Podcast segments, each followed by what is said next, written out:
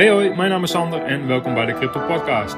In deze podcast neem ik jullie mee door de gehele crypto space. Hou ik jullie op de hoogte van het laatste nieuws en de laatste ontwikkelingen, zodat jullie voor jezelf kunnen bepalen of crypto iets is wat bij je past.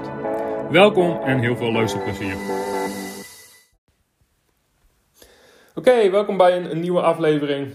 Uh, allereerst Bitcoin. We zijn over 50.000 dollar heen.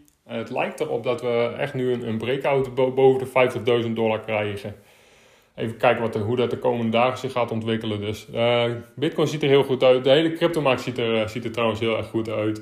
Uh, zeker na de lows in, ma in, mei hebben we echt gewoon een, een heel snel herstel gekregen. Dus het lijkt erop dat we de, de, de ja, tweede fase van deze boeren nu echt on is. En um, ik, ik denk dat de komende maanden er heel mooi uit gaan zien.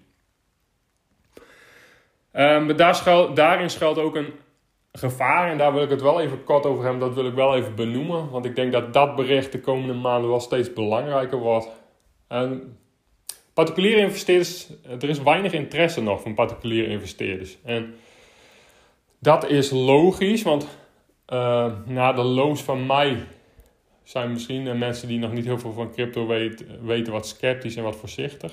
En dat is ook helemaal niet erg. Alleen wat er vaak gebeurt is, is als de komende maanden de prijzen enorm omhoog gaan, uh, er meer media-aandacht uh, komt, is dat uh, met name retail investors de top van deze cyclus gaan kopen, van deze cycle gaan kopen. pas daar dus een beetje mee op. Dus lieve luisteraars en vooral mensen die dit luisteren en nog geen, geen investering hebben in crypto, maar die wel geïnteresseerd zijn. Ja, pas op dat je niet de top van deze markt gaat kopen. En dan komen er waarschijnlijk in de, in de nabije toekomst wat betere momenten om in te stappen.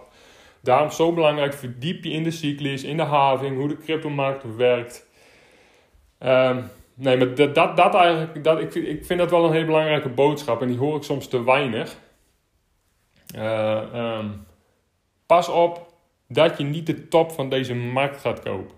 En nogmaals, er is nog vrij weinig interesse, dus terwijl we een, een heel mooi herstel zien en als jij jezelf in mei had ingekocht, had je nu echt hele mooie rendementen gehaald. Uh, ja, dat eigenlijk vind ik wel even heel erg belangrijk. Het volgende wat ik even kort wil benoemen. En dat heeft niet direct per se. Is, is niet direct per se van toepassing op jullie, op mijn luisteraars. Maar het is wel iets wat ik steeds meer voorbij zie komen. En wat ik echt een hele bizarre ontwikkeling vind. Is, is dat, dat tribalism in crypto. En wat bedoel ik daarmee is. Um, één project boven alles en uh, de rest is allemaal rotzooi. Je hebt de uh, Bitcoin maximalism. Eigenlijk maakt het niet uit. Dus, dat zijn mensen die, die in één project zitten en ehm, ja, zich gaan afzetten tegen alle andere projecten. En alleen maar positief zijn over hun project of waar zij in hebben geïnvesteerd. En de rest is rotzooi en de rest is waardeloos. En weet je, dat is echt vergif, want dat is helemaal niet nodig.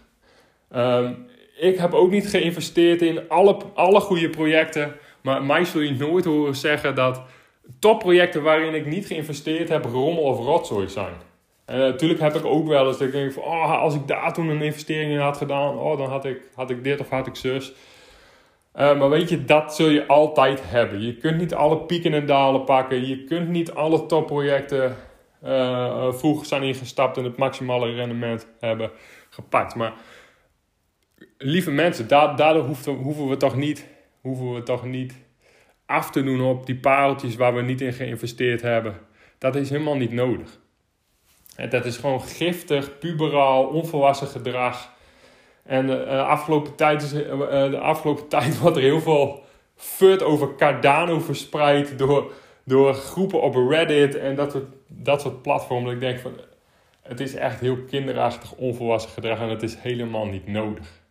En als jij niet in Cardano zit, of niet in Cardano hebt geïnvesteerd, wil dat niet zeggen dat Cardano rotzooi is of helemaal niks waard is.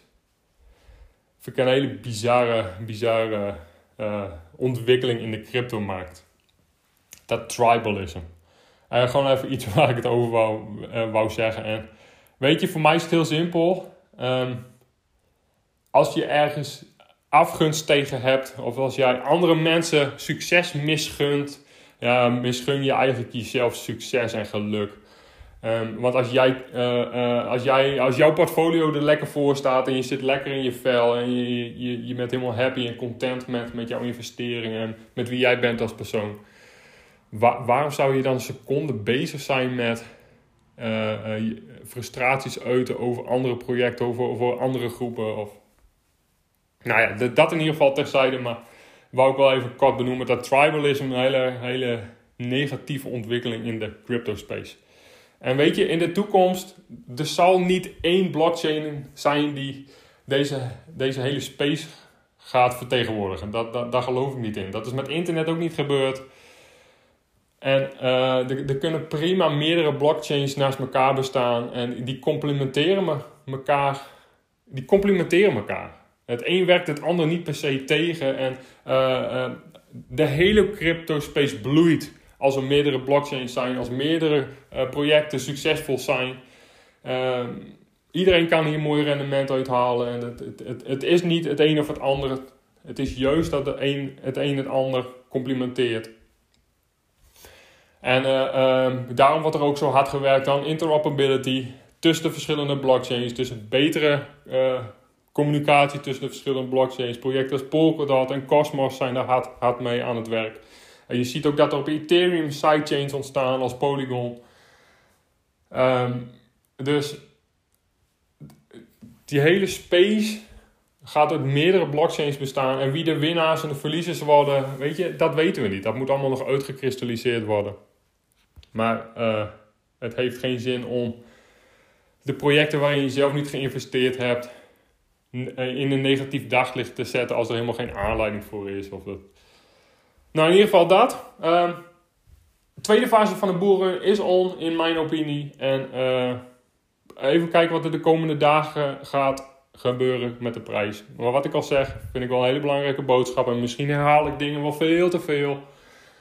Raak niet te laat geïnteresseerd en zorg ervoor dat je niet de top van deze markt koopt. Dan zijn er in de toekomst wel, uh, waarschijnlijk wel betere projecten waarop de prijzen wat lager zijn.